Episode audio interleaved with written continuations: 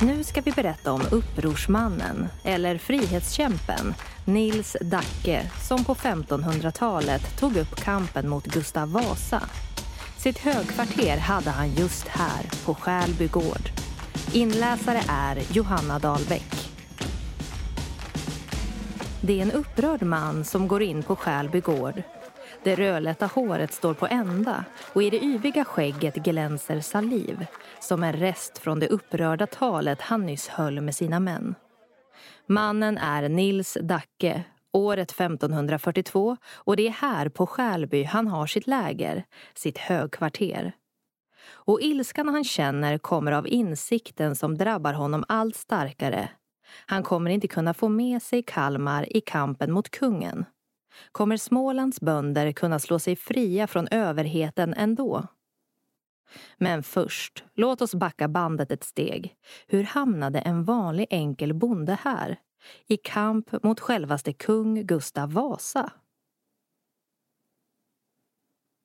Nils Dacke kommer från bondesläkt och levde ett visserligen fattigt men för den tiden helt vanligt liv med sin fru Elin och deras lilla son.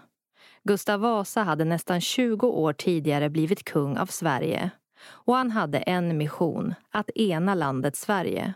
Men för att klara det krävdes pengar, mycket pengar. Och de pengarna tog han från folket. Något de fattiga smålänningarna verkligen inte tyckte om. Att behöva se sitt kyrksilver eller en stor del av det de sparat in i ladorna inför vintern hämtas in av kungens fogdar. Till det kom förbud på att jaga vilt och nya regler för hur marken skulle odlas. Fogdarnas uppgift var att hålla ställningarna och se till att skatterna drogs in.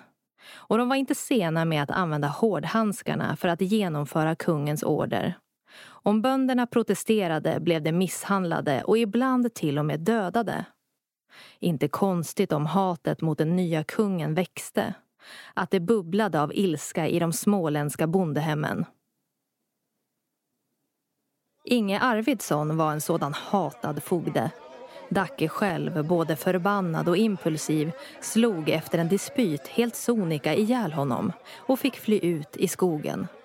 Efter två år som fredlös kom han tillbaka och betalade sina böter. Men kampen mot fogdarnas välde var igång. En söndag strax före midsommar 1542 ger sig Nils Dacke tillsammans med 30 andra män av mot fogdegården i Våxtorp.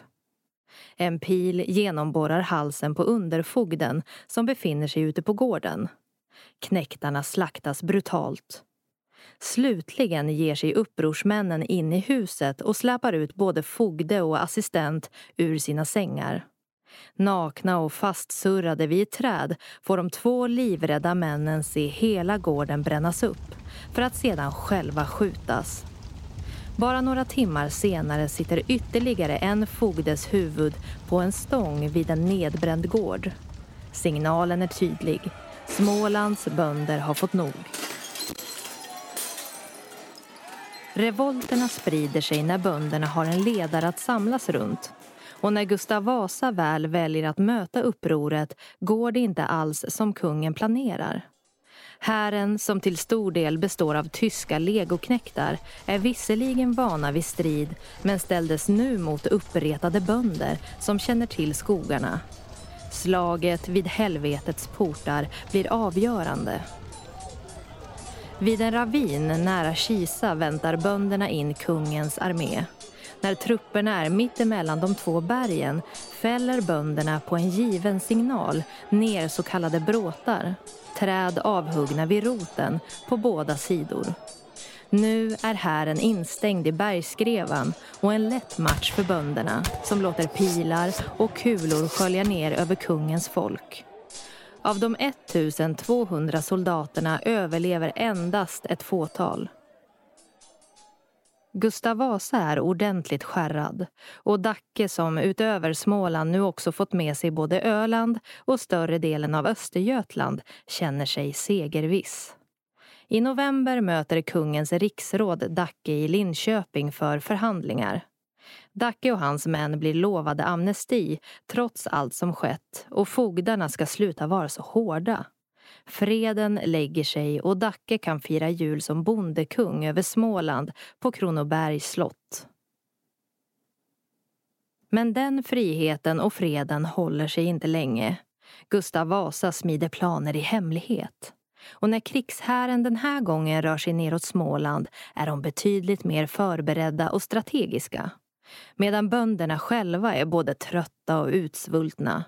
Visst gör de motstånd, men inte tillräckligt. Och efter att Dacke själv får båda låren söndertrasade av en kanonkula i striden på sjön Hjorten vid Virserum flyr han till skogs.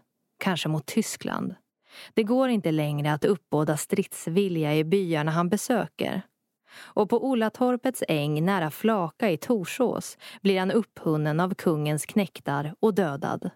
Kroppen släpas hela vägen till Kalmar. Och för att avskräcka den som ens tänker tanken på att göra uppror mot kung Vasa sätts Dackes huvud på en påle i Kalmar stad, hånad med en krona av koppar. Terrorist eller frihetskämpe? Mm, det beror nog på vem du frågar.